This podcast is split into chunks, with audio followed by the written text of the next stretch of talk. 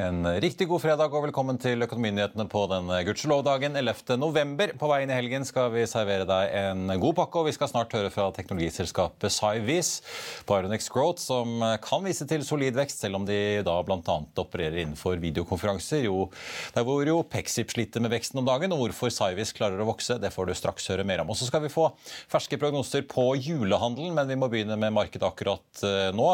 For inflasjonstallene i USA sendte jo Wall Street kraftig opp til en full fest i går. Det ble den beste dagen vi har sett siden våren 2020. Nasdaq endte opp 7,4 etterfulgt av SMP 500 på 5,5% Dow Jones har 3,7 Og Vi så jo store teknologiaksjer som Amazon stiger 12% Facebook eier Meta 10% Apple 8,9 og Microsoft og Tesla med drøye 8 og 7 Og Den store optimismen og oppturen den fortsatte i Asia i dag, der lettelser i kinesiske koronatiltak også har hjulpet til å gi en relativt god stemning. Vi så Hang Seng-indeksen i Hongkong ende på nesten 8% i pluss. Hovedindeksen her hjemme endte i går opp akkurat i grønt, 0,01% Vi mistet en del fart utover ettermiddagen. Litt det samme har vi sett i dag. Vi startet opp 0,95 eh, på det meste i pluss. Nå ligger hovedindeksen opp 0,15.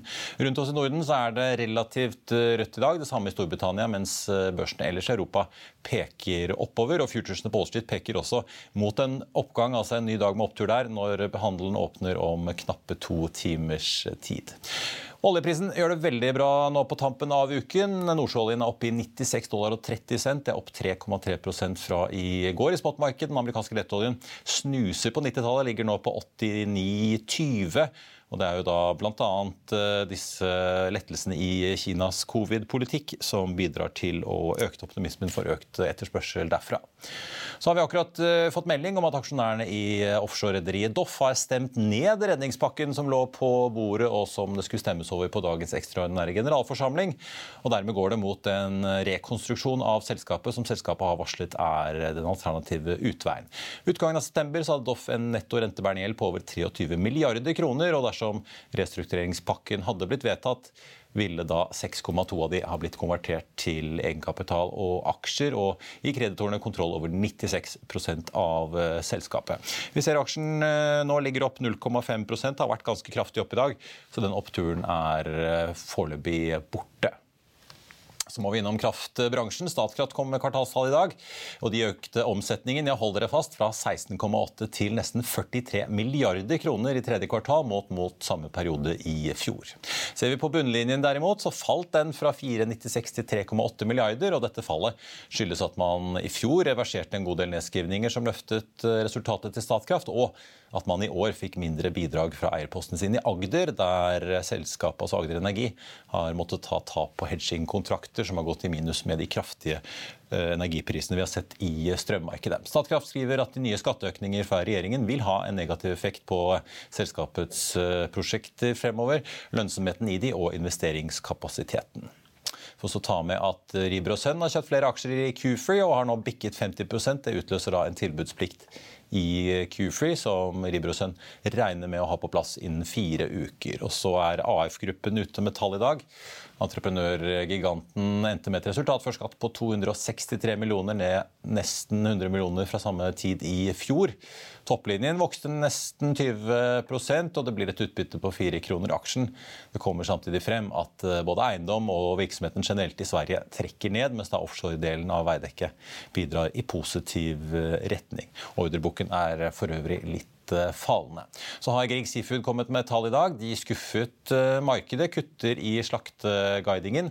Det operasjonelle driftsresultatet endte på 145 millioner, ned fra, ned, ned fra da de ventet til 162. Nettoresultatet endte i minus på 279 millioner mot et venteoverskudd på 107 000. Og de kutter av guidingen sin eh, fra 87 til 81 000 tonn.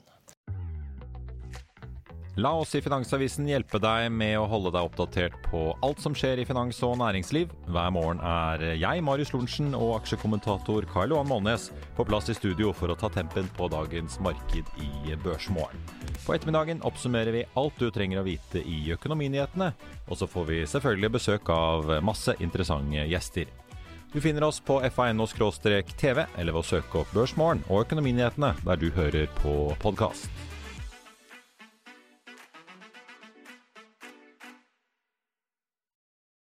Metallprintingselskapet Norsk Titanium er en av de mest omsatte aksjene i dag. Faller 10% til 2,71. Selskapet meldte sent i går kveld at de hadde kjørt en emisjon på, hvor de da får inn 75 millioner kroner til 2,70 aksjen. Så kursen havner jo da rett rundt emisjonskursen. Opprinnelig ønsket man å hente inntil 104 millioner. Så også ta med at Rexilicon også ganske solid omsatt i dag, ned en 7,1% til da 19 kroner og 60 øre. Så må vi jo ha et blikk på Flyr-aksjen eh, som er i vinden om dagen, for å si det sånn. Selskapet meldte jo da i går om at de hadde fått fulltegnet emisjonen, hvor de da skal hente inn inntil 700 millioner kroner til ett øre aksjen. Aksjen endte i går på 8,4, og i dag har den falt litt mer, men ligger fortsatt så vidt over 8 øre aksjen. Selskapet advarer om at eh, mer penger trengs, for de har jo da delt opp denne emisjonen i fire omganger. De første 250 millionene er på plass, og nå skal da en reparasjonsemisjon på 100 til kjøres.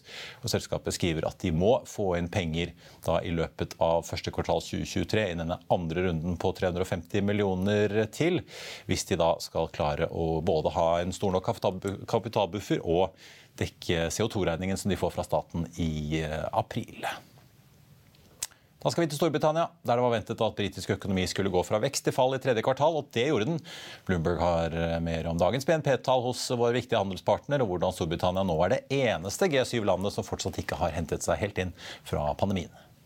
Now, the UK economy, Tom, shrank in the third quarter, marking the start of what is expected to be a protracted recession. GDP fell 0.2%, leaving Britain as the only G7 country that has yet to fully recover from the pandemic. Well, let's get straight to Bloomberg's Lizzie Burnden, who joins us with the very latest. Lizzie, good morning. Can you break down the data for us? How ugly is it? Well, it's a 0.2% contraction in the third quarter, which is smaller than was expected. But if you hone in on the month of September, it was worse than expected. And that's because, of course, we've had this backdrop of a cost of living crisis for many months, high inflation, high interest rates. But this was when we had the Queen's funeral, a bank holiday for that, and generally the weight of it on sentiment. We also had the Trust mini budget. Um, and so, as you say, it really marks the beginning of this protracted recession in the UK, the likes of which we haven't seen since the 1990s. And the depth of it is going to be partly determined by the fiscal event that we see on Thursday. How far does Jeremy Hunt go? And parts of that have been dripping out to the media, leaks and some detail. What do we know about the plans for the Chancellor with that all important fiscal statement and the OBR checking the homework? Indeed, and some economists have been complaining about all the many leaks, including Simon Gordon at Panmure, uh, Simon French at Panmure Gordon. Uh, what we know is that Hunt and Sunak have a very difficult balancing act here because they've got to please both markets by making an attempt at balancing the books, but also voters.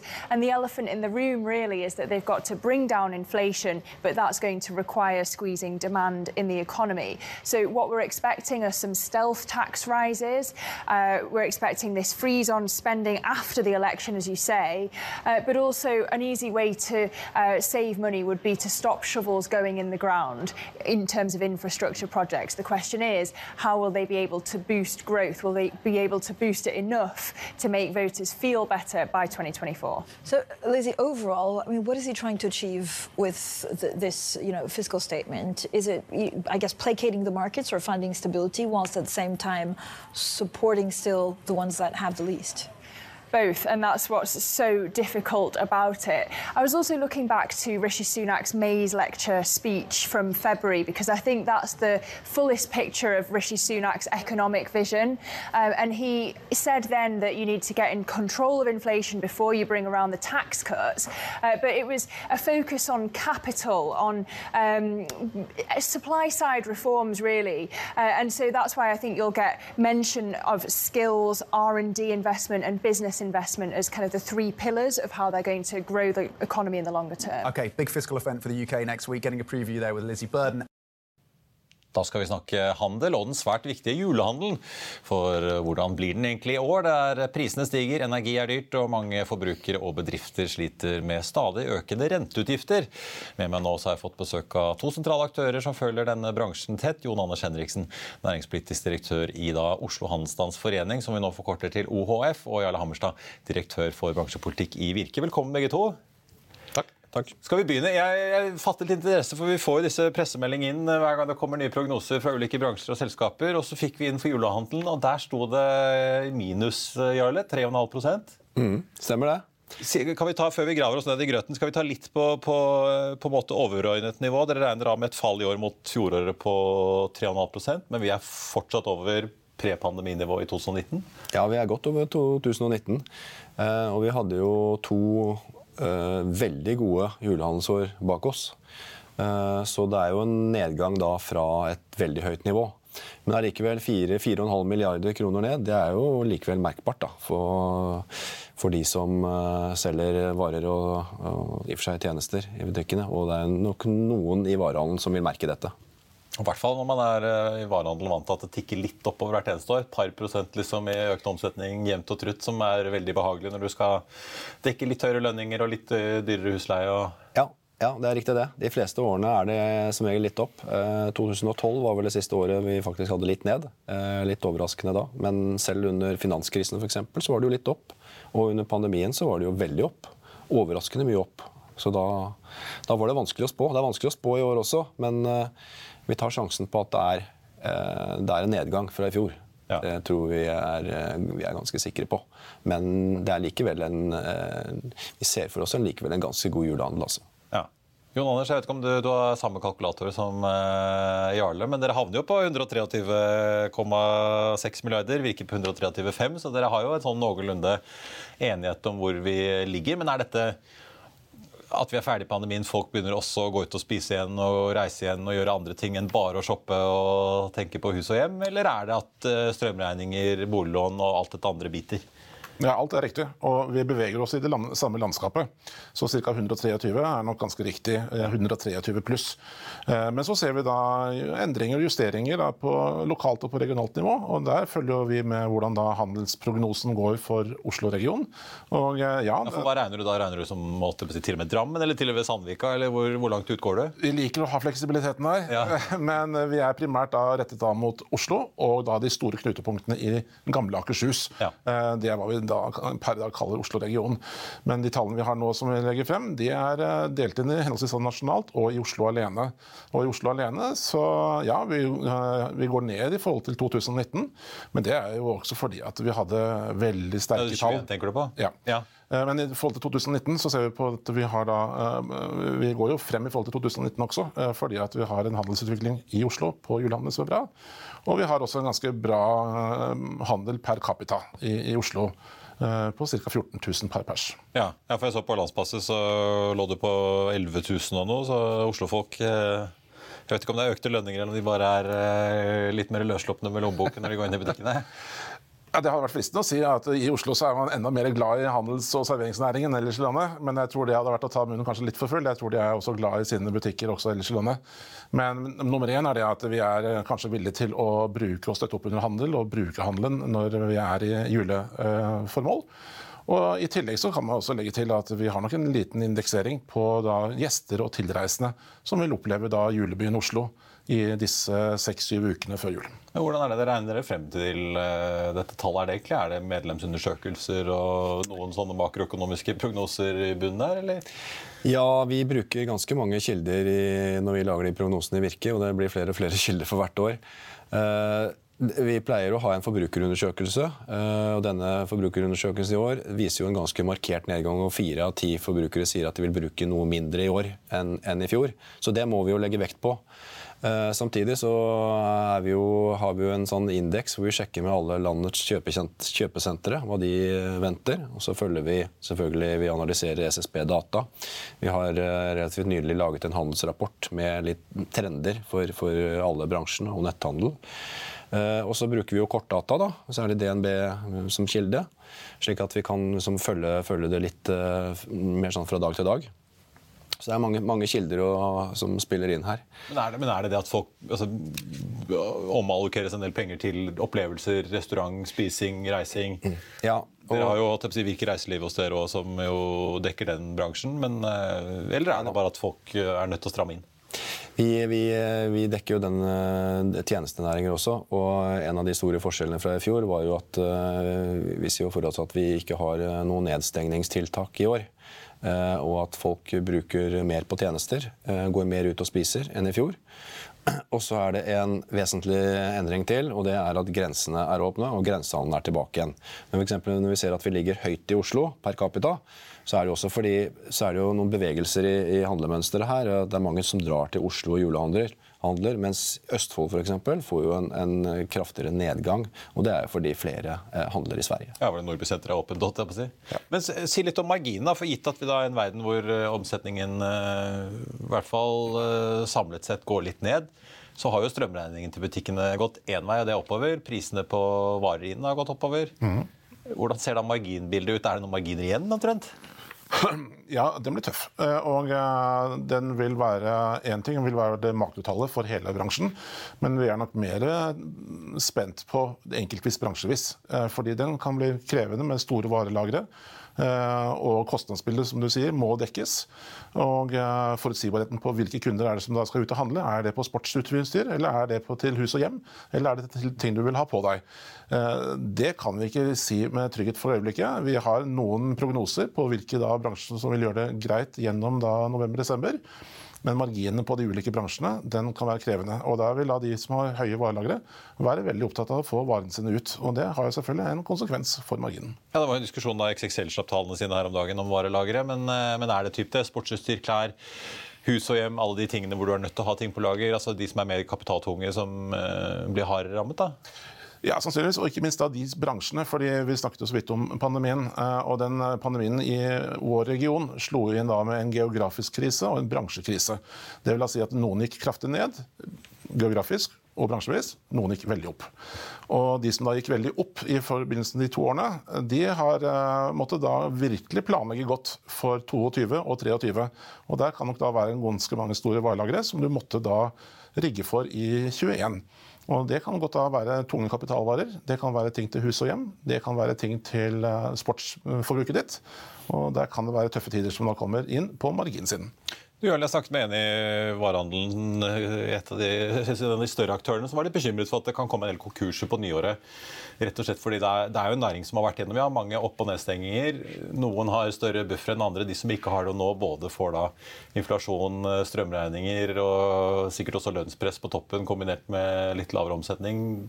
Da kommer det en skvis der. Frykter dere at vi etter jul kan komme til å se en del flere konkurser? Ja, og det er jo den store forskjellen også fra i fjor, at nå er det nok mange som har mindre buffer eh, pga. kostnadsøkningene. Og strømprisene alene har gjort et kraftig eh, jafs av bedriftenes cash. Så det er ikke det er ikke så mye å gå på for en del. Er, mange er avhengig av å gjøre en god julehandel. Uh, og det er jo forskjell på bransjene, naturligvis. Det er jo bransjer som har en veldig stor andel av årsomsetningen i julen. Type sånn leketøysbutikker, ja, bøker, ja. gullsmeder osv. Er jo mer avhengig enn andre. Men, men, alle bransjer stort sett har jo et, et stort oppsving under julehandelen. Så det er, uh, og nå har det jo vært en høst hvor uh, ja, omsetningen har gått noe ned, i hvert fall sånn volummessig. Så, så om, det, om julehandelen skulle slå skikkelig feil, da Eh, kan vi se stygge tall i januar. Eh, hva er det liksom butikkene forbereder seg på? Av de børsnoterte så har vi jo liksom hørt fra XXL. Vi hørte europrissjefen eh, hadde rigget seg med masse varer liksom på lave prispunkter fordi mange forbrukere er mer prisbevisste. Hva ser dere ellers i handelen? Altså hva, hva aktørene forbereder seg på?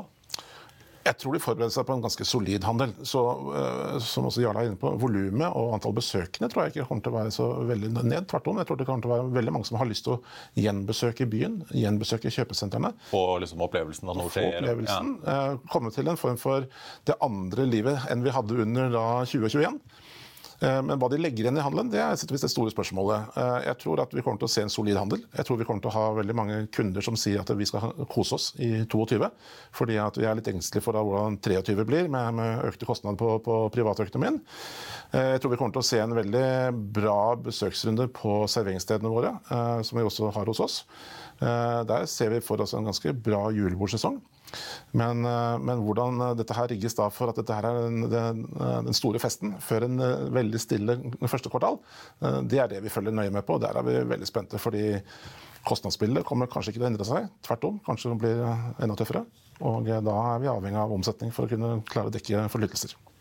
Ja, hvordan ser netthandelen ut nå? da? Det var jo en helt vill vekst under pandemien. Alle måtte sitte hjemme. Det var jo så vidt Posten rakk å levere ut alt. Ja. Første halvår virket det som en god del aktører meldte om at netthandelen falt en god del, rett og slett, fordi at vi kom av de der veldig høye nivåene. Så er vi selvfølgelig mye høyere enn det vi var før pandemien fortsatt. Men ser dere noe klar liksom, fasit på hvor, da, hvor, vi lander når liksom dette, alt dette har lagt seg og ting normaliserer seg litt? Ja, altså De analysene vi har gjort nå i høst, er at netthandelen holder koken. rett og slett. Den, den, uh, vi trodde vel kanskje også ved inngangen av året, når vi så at det falt litt igjen, at uh, uh, vi skulle litt tilbake. Men nei den, den, holder stand, altså. Og den eh, bidrar nok også mye til veksten i julehandelen. Eh, som også har selvfølgelig sammen med at vi begynner å handle i november. Og netthandelsmåneden, det er november fremfor noen. Eh, og det har ikke bare med liksom Black Friday og sånt tilbud å gjøre. Det er blitt en, en stor netthandelmåte uansett om det er tilbud eller ikke. Så, så netthandelen er der, og den kommer til å bli høy også i år, tror vi. Ja.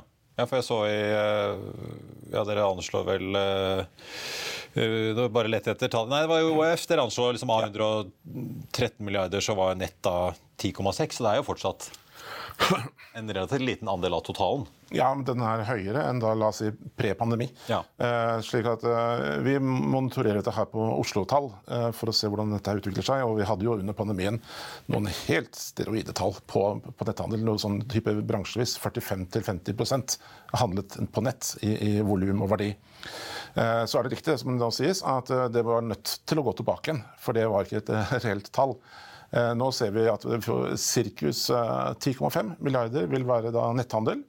Og om lag 62 milliarder vil være på faghandel, og det øvrige da være på dagligvare. Det er ikke et galt bilde, fordi vi ser for oss en utvikling nå hvor dette fine begrepet omnichannel skal ta seg mer og mer fore.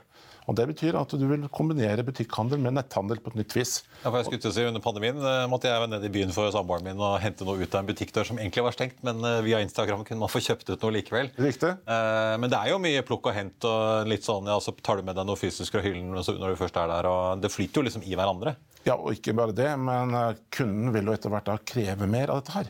Det dreier seg om eh, tilgjengelighet av informasjon inn i både forberedelsesøyeblikket, i kjøpsøyeblikket, i etterarbeidet. Da vil du forvente at det finnes da digitale løsninger.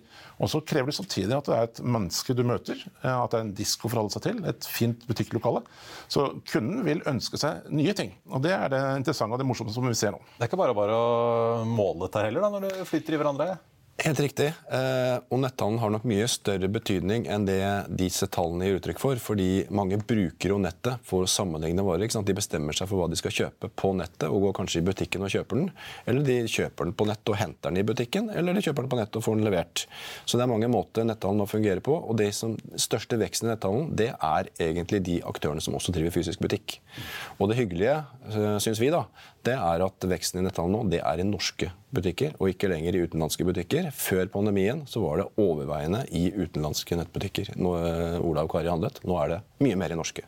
Ja, nei, Du må betale hva er det nå, 10,27 ja, 10, for en euro så er nå, selv om dollaren har bikket under 10 igjen. Det var ikke så lenge siden det var 10,60, så ja, da svir det. Ja, Hammerstad i Virke og Jon Anders eh, Henriksen i OF, tusen takk for at dere kom. Og får vi si lykke til med julehandelen. Takk, så. takk. Vi er straks tilbake rett etter dette. Bokhandlere i hele Norges land, wake up! Aksjer handler ikke bare om lommeboken, men også om fremtiden og verden rundt oss. Vi drømmer alle om å bli rike i en fei. Er det ikke da bare å kjøpe og selge aksjer, Roger? Kjøpe og aldri selge. Husk, de beste pengene som investor de tjener når du sover. Og hvis du, aksje, hvis du selger aksjene før du legger deg til å sove, ja, ja, så blir du ikke rik over tid. Det er min påstand. Aksjeskolen, levert av Finansavisen av Roger Berntsen og Alex Rosén. I'll see you in court. Vi sier det ofte litt på spøk, men for deg som driver business, er det aldri moro å innse at du ikke har laget en 100% gyldig kontrakt. Du bør ikke risikere hele firmaet ditt fordi du synes dette med kontrakter er litt stress. En avtale er ikke en avtale. Du kan miste kunder, miste venner, ja, til og med miste inntekter om du ikke lager en skikkelig kontrakt, på alt mulig, egentlig. Men vi vet det er et styr. Kopimaskiner, tregprinter og haugevis av papir. Dessuten stoler vi jo på folk her i landet. Det er ofte litt kleint å skulle be om en signatur for alt mulig, ja, for mye av styret handler også om jakten på underskriften. Det finnes en enkel måte å løse dette på, Dukkobit, en trygg, effektiv og get this, gratis måte å sikre seg en god natts søvn pluss en juridisk bindende avtale. Dukkobit-appen har de strengeste sikkerhetskrav i bunn, samt en EU-godkjent og sertifisert teknologi. Framover vil det bli behagelig å spørre du, skal vi skrive under på det, eller? Kom i gang på dukkobit.no.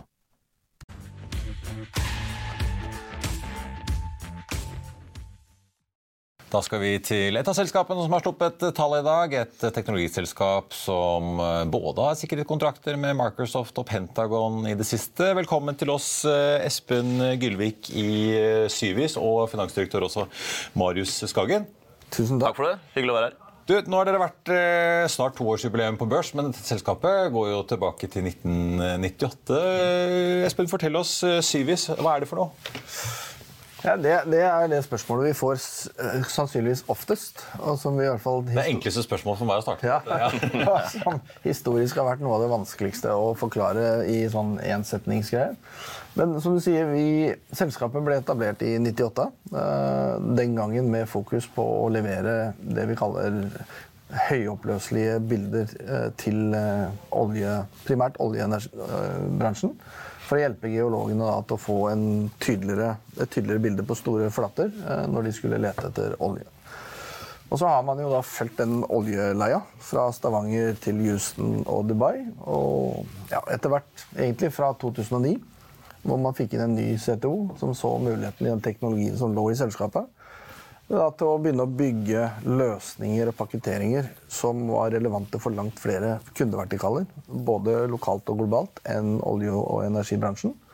Og det, og det, har vi fortsatt med. egentlig. Rom, litt enkelt sagt, er det det man kan kalle det? Altså, vi, vi utvikler vår egen teknologi, altså kjerneteknologi, eh, som er ganske essensiell i forhold til den kvaliteten og brukervennligheten eh, våre løsninger representerer. Eh, og så pakker vi det sammen med det beste fra våre partnere for å levere da, komplette løsninger ut til kunder i forhold til litt avanserte møterom, styrerom, Eh, kontrollrom og operasjonssentre for den type behov, og helt opp til avanserte innovasjonssentre der kunder og partnere bruker våre løsninger til å promotere sine fremtidige løsninger for sine kunder. Som f.eks. Microsoft eller Accenture eller KPMG. Ja, så Dere blir en slags entreprenør. Eh, for dere antar da dere kjøper inn en del utstyr, pakker dette sammen med software på toppen og installerer? Ja, så det, det, vi bygger rundt, er jo vår egen softwareplattform. Eh, og selvfølgelig et operativsystem knytta til eh, brukeropplevelsen for å gjøre både installeringen og bruken av dette her så enkelt som mulig for kundene. Det har vi jo innsett at er en, en, viktig, en viktig parameter for at folk skal være fornøyd med dette. Eh, og en del av kundene våre er jo våre løsninger ekstremt kritiske. Altså, du kan ta de som har kontrollrom, om det er uh, energisektoren, forsvar, Grieg Seafood, som automatiserer egentlig driften av merdene, så må det virke. Uh, og jeg tror det som skiller oss fra alle de vi konkurrerer med, som bygger skreddersøm rundt andre typer rammeverk enn det vi har utvikla selv, det er at våre løsninger er enklere å installere, mye enklere å bruke, og så virker de hele tiden. Marius, vi må snakke litt eh, tall. De som har fulgt med denne uken, har jo sett at Pexip, som uh, leverer eh, videokonferanseteknologi, har sett at markedet begynner å flate ut. Mm. Vi er på ut av pandemien. Dere leverer fortsatt vekst, altså 82% med en omsetning på 116 millioner i tredje kvartal. Hvor er det dere vokser når alle andre er ferdig med pandemi og på en måte er ferdig med disse, eller ønsker å bli ferdig med videomøtene og se litt folk igjen? for en gang siden? Ja, Det er et fint oppspill. Vi skal være litt forsiktige her, fordi endorfinnivået er bra. Vi har nettopp vært i nabostudio her og presentert Q3-tallene. De er nok en gang på et all time high-nivå. Eh, viktigst for oss eh, er egentlig å eh, kalle dra det i de store linjene. Vi, er glad i å presentere liksom rullerende tolvmånederstrender. Ikke isolere kvartal for kvartal, men også å på en måte holde våre lovnader. Vi sto her etter Q1, vi sto her etter Q2 og guida. Vi kommer til å levere en positiv EBITDA i 2022. Der er vi på vei. Vi går motstrøms for øyeblikket. Vi har en del eksogene faktorer nå i et veldig mørkt makrobilde. Eh, du har supply chain issues, komponentmangel. Men etterspørselen etter da våre avanserte samhandlingsløsninger, enten det er operasjonsrom eller det du nettopp har prata om, er økende i en diversifisert portefølje.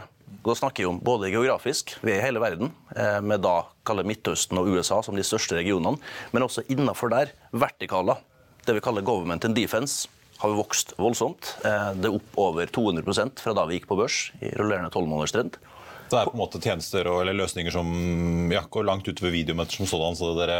Det er en veldig liten andel. Har, ja, ikke sant? Har, den, den, den, mye mer å vokse på. Ja, den her betegner en, en vanlig misforståelse. At vi leverer på en måte Teams-rom. Eh, det, det, gjør vi også, men det er ikke det som er businessen vår. Nei, det er, det, altså, alle kunder i dag bruker jo videokonferanse. Så at det må være en naturlig integrert del av våre løsninger, er det ikke noe tvil om. Og med den plattformen vi har, så kan jo kunden velge hvilken type videomøteapplikasjon de ønsker å kjøre. Men jeg tror bare for å følge opp det spørsmålet og svaret til Marius Vi ble jo utfordra når covid kom. Eh, våre løsninger krever jo at du faktisk kan sende noe, altså fysisk til et eller annet sted.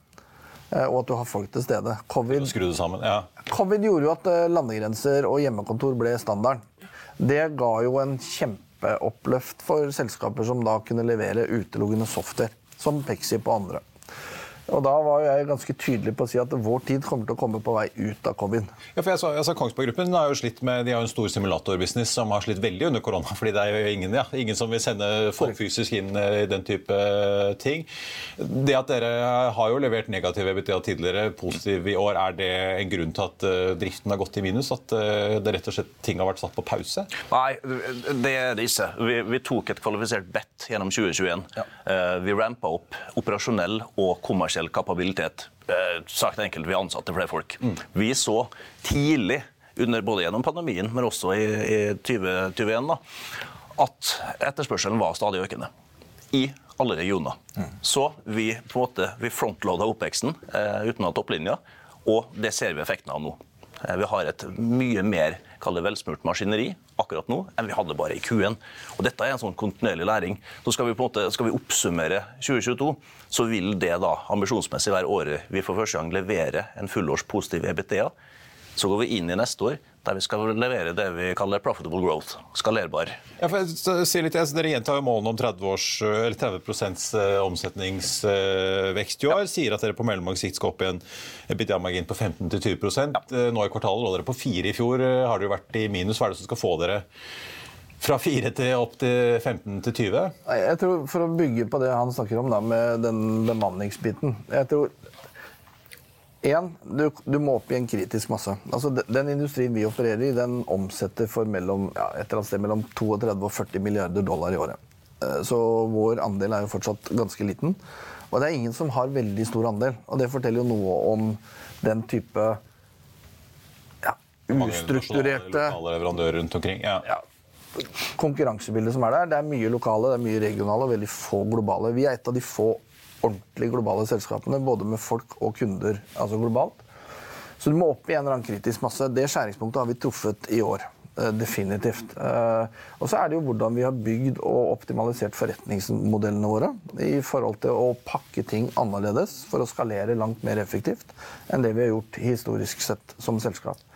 Den siste biten i forhold til eh, EBITDA-marginen, utover liksom å fortsette å gjøre det vi gjør i år, bedre og bedre til neste år, er jo den tilførelsen av nye produkter og tjenester. Altså, den plattformen vi har utvikla som selskap, som gjør at du kan egentlig gjøre all support, all oppgradering, all management remote, også som kunde, den har en del muligheter til å bygge tjenester rundt.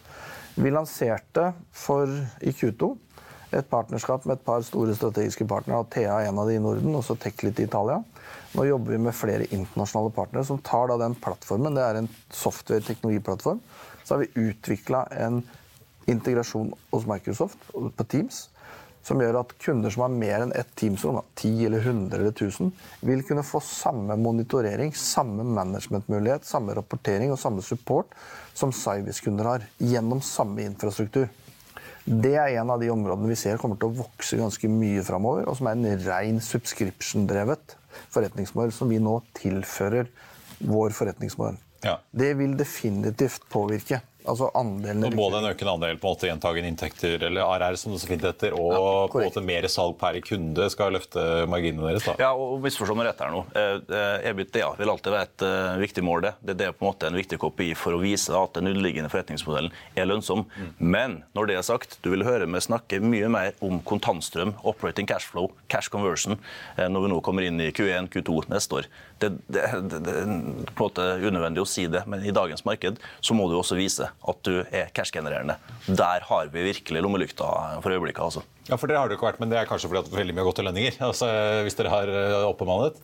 Det har helt klart vært en del av det. Og så er det jo mange andre parametere. Men jeg tror i- tillegg da, til å bygge nye tjenester knytta til den plattformen som skaper verdi hos kunden, og som gir oss en helt annen stickiness med de kundene, så er det jo eh, interessante forretningsmodeller som skal skaleres gjennom partnere, og ikke nødvendigvis gjennom at vi skal ansette flere mennesker. Så da får vi en mye lavere kost i forhold til det å øke den recurring-biten.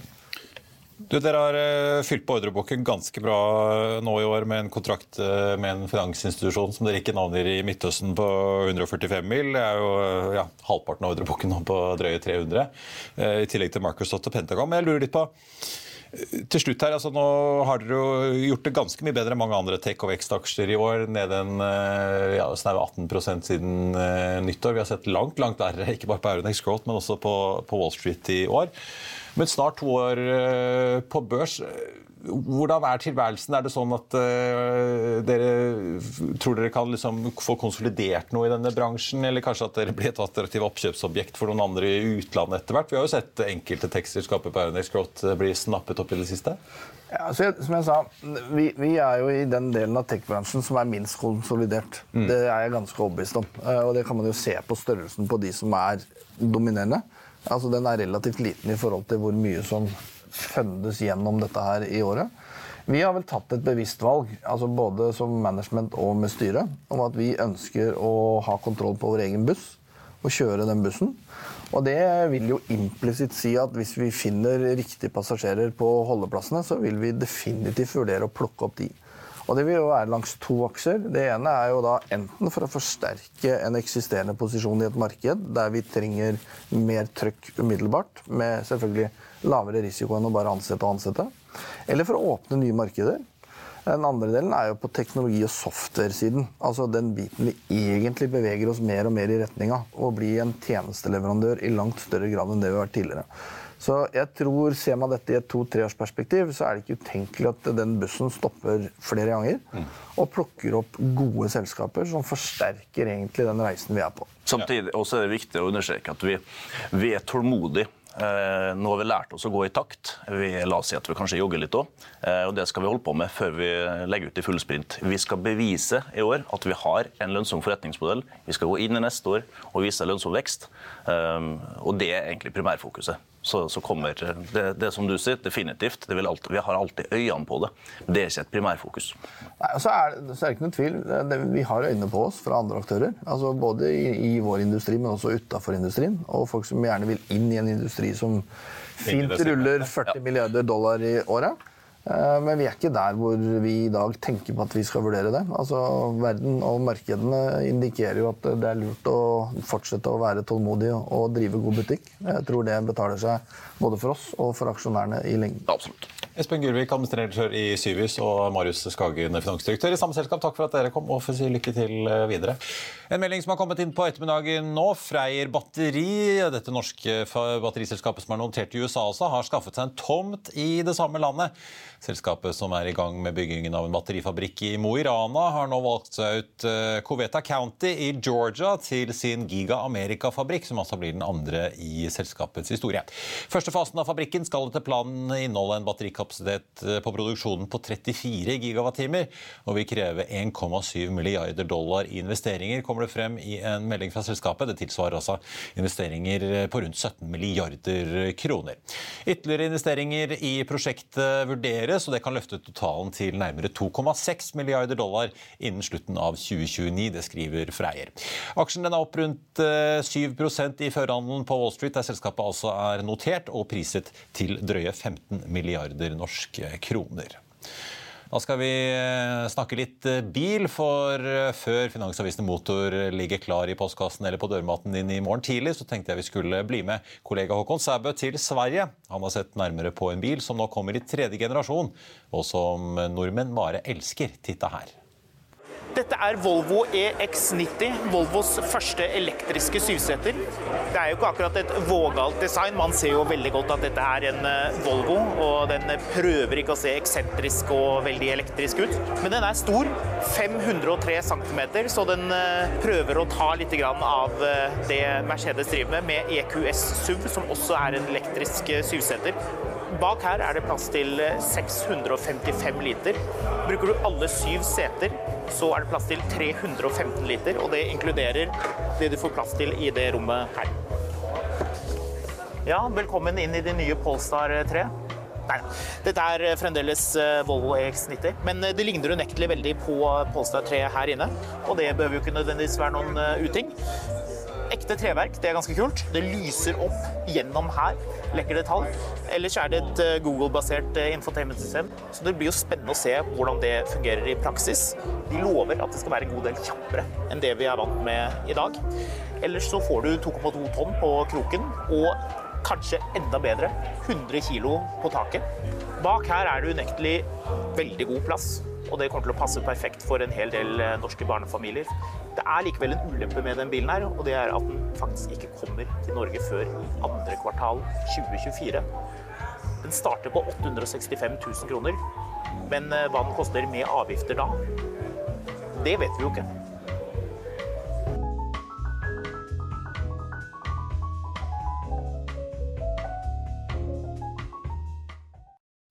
Velkommen tilbake. Jeg tenkte vi bare skulle da på tampen her gå over litt av hvordan det ser ut i markedet akkurat nå. Hovedindeksen på Oslo Børs opp 0,15% Egentlig relativt lite sammenlignet med den festen vi så på Wall Street i går. Vi ser også rundt oss i Europa så har Helsinki nå kommet over i grønt, men det er rødt ellers i Norden og Storbritannia, mens det peker ganske bra oppover rundt ellers på kontinentet etter en helt får vi si, fest på Wall Street i går, og også i Asia i morges, der bl.a. Hang Seng endte opp 7,7% Her hjemme Veldig solid oljepris som hjelper å holde en god del aksjer oppe. Brentoljen Nordsjøoljen ligger opp nesten 2,9% til 95 dollar og 93 cent akkurat nå. Den amerikanske lettoljen på 88,82, nesten tilbake da over 90 dollar igjen.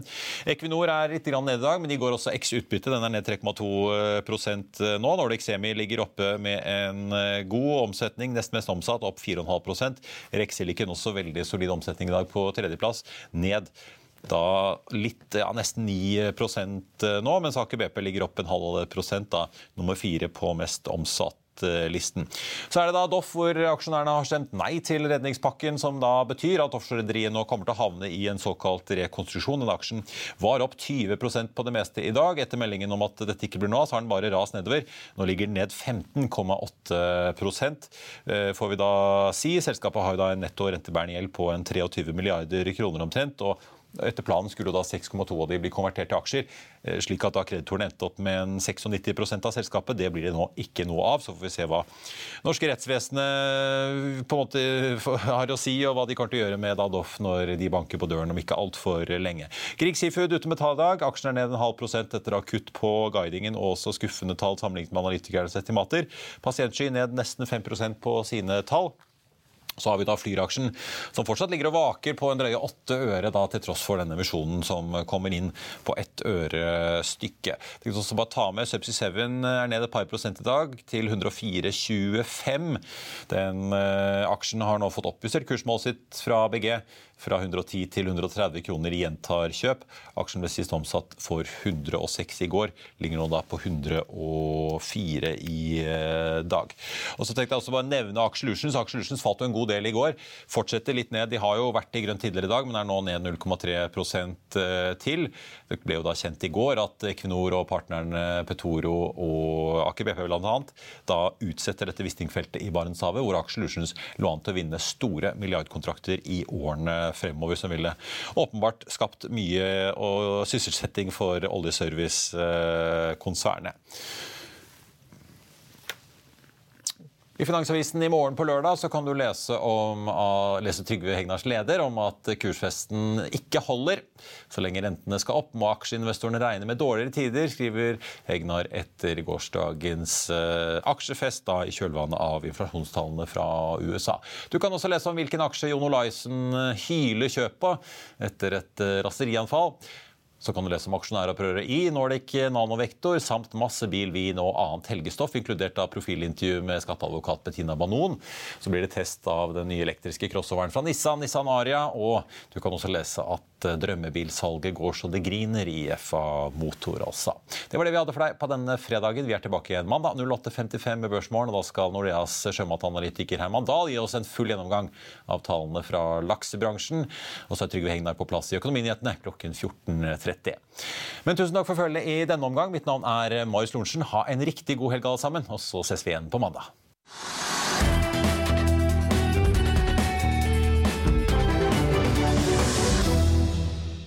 Økonominyhetene er en podkast fra Finansavisen. Programledere er Marius Lorentzen, Stein Ove Haugen og Benedikte Storm Bamvik. Produsenter er Lars Brenden Skram og Bashar Johar.